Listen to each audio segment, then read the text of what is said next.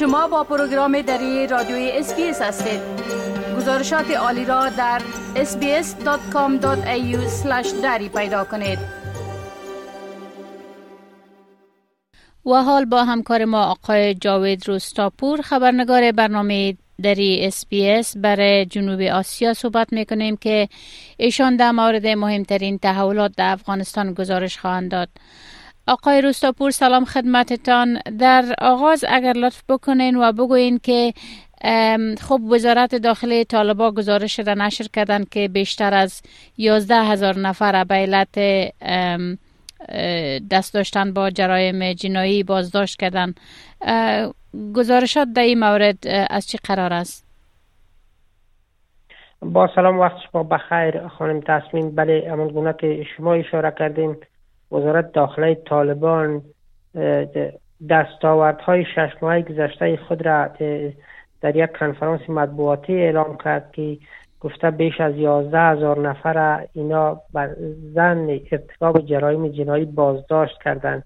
عبدالمتین قانع سخنگوی وزارت داخلی طالبان در این کنفرانس گفت که در این مدت بیش از 8210 واقع جرمی در سطح کشور ثبت شده است که از این میان 6765 رویدادیان کشف کرده و در پیوند به این رویداد 11631 نفر گرفتار شدند و 1445 واقع دیگر گفته تحت کشف است. اما تحلیلگران تردید دارند که همه افرادی که طالبان در پیوند به جرایم جنایی بازداشت کردن, کردن اینا مجرمین جنایی باشند. کارشناسان مسائل سیاسی به این باورند که احتمال دارد شمار بیشتری از افراد بازداشت شده کسانی باشند که کارمنداری دولت سابق به خصوص در نیروهای پلیس ارتش و امنیت ملی کار کردند. اما طالبان به بهانه مجرمین جنایی اینا را بازداشت کردند. به باور آگاهان هر بازرسی و ایستگاه و عوضه امنیتی طالبان خودش یک محکمه است و یک شخص بازداشت یک شخصی را که اینا بازداشت می‌کنن خود دی اوزه ها مورد مجازات قرار میدن و دلیلش هم این است که حکومت طالبان یک حکومت قانونی نیست و قانون وجود نداره و طالبان هر چی که خواستن انجام میده. گزارش های نشر شده از بازداشت افرادی که پس از تسلط طالبان از سوی گروه نشر شد آکی از آن است که بیشتر کسایی را که طالبان بازداشت کردن پس از زمانی اندکی اینا زیر شکنجه طالبان جان دادن و اجسادی از یار در ساحاتی دور از سکنه رها کردن و یا شبنگام در پشت دروازه های فامیلشان آوردن گذاشتن. خب تشکر گزارشات همچنان در دست است که گفتن متقاعدین در افغانستان یک نشست اعتراضی را دایر کردند که خواهان پرداخت معاشهای تقاعدیشان شدند.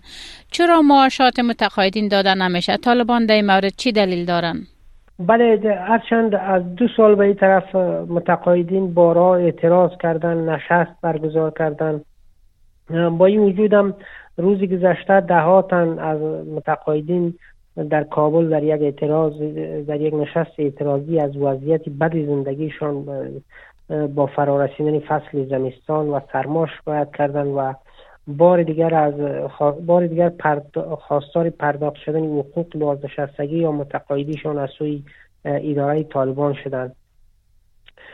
اینا در گذشته هم بارها همان گونه که گفتم اعتراض کردن ولی طالبان طی دو سال گذشته امواره گفتن که موضوع پرداخت تنخواه یا معاششان پس از بررسی دارالافتا بر رهبری امارت اسلامی طالبا برای توشیه فرستاده شده است و هر زمانی که اسناد از طرف رهبرشان تایید شد اینا به وزارت مالیه و به شورای وزیران ارجاع می شد و معاشی یا تنخواه متقاعدی افراد پرداخته خواهد شد.